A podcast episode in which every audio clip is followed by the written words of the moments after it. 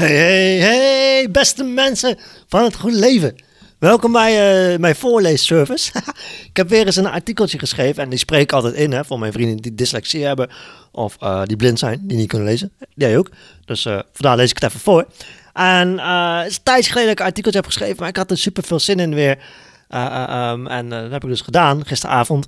En het is een brief die ik heb gericht aan Poetin. Want die Poetin, jongen, holy shit. Van het weekend hier het is nu uh, eh, 19 maart, dus dat was dus 17 en 18 maart 2018.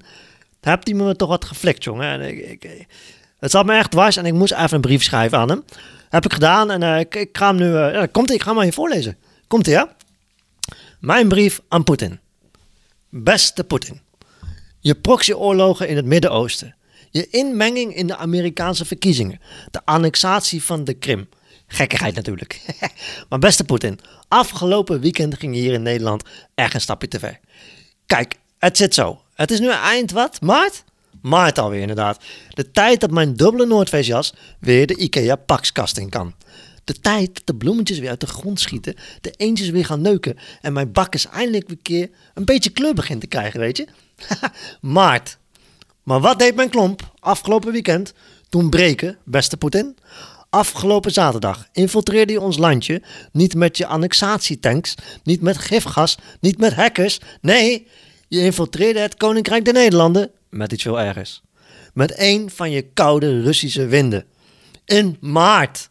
Gevoelstemperatuur min 5. Ik moest verplicht gratis koffie gaan drinken bij de Jumbo om op te warmen. Wij Nederlanders, weet je, we kunnen op zich best wel wat hebben, Poetin. Meen ik echt. We zijn van oorsprong echte verzetstrijders. Vraag het maar eens aan die verrekte Spanjolen. uh, niet aan de Duitsers vragen, dat ligt ja, net iets anders, maar goed, you get the point. De Amerikanen, weet je, die kan je in de maling nemen met wat strategisch geplaatste Facebook-artikelen, maar wij staan ons mannetje. Heb je wel eens gezien hoe onze koning een pannenkoek bakt? Voor de mensen die nu luisteren, je kan een linkje. Dan zie je hoe onze koning een pannenkoek bakt. maar alsnog richt ik mijn schrijven aan jou, Poetin. Dit omdat ik bang ben dat je iets van ons af gaat nemen waar we allemaal wel heel erg naar uitkijken hier in Nederland. Iets wat wij Nederlanders echt niet kunnen missen. Man en vrouw. Want weet je, Poetin, er is al zoveel van ons afgenomen. Hè, wil je een voorbeeld? Oké, komt-ie. Negen zoenen. Verboden. Sinds 2005. Of dat nou een marketingstunt was of niet, het bestaat niet meer.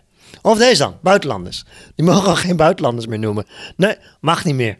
Ken je het boek van George Orwell, genaamd 1984? Waar ze woorden uit de geschiedenis wissen alsof het nooit bestaan heeft? Tja, stomme vraag natuurlijk, hè, dat boek Poetin, uh, stom van me. Nieuwe Nederlanders, zo noemen we de buitenlanders in Nederland. Maar mijn oma, die komt uit Indonesië.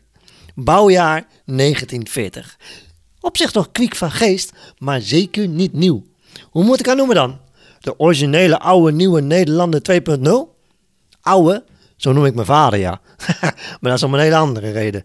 Piet, die is niet meer. Volgens velen nooit geweest trouwens. Of wel, of niet. Ach, ik weet ook niet meer. En sommige mensen doen het pijn als ze door de Koentunnel rijden.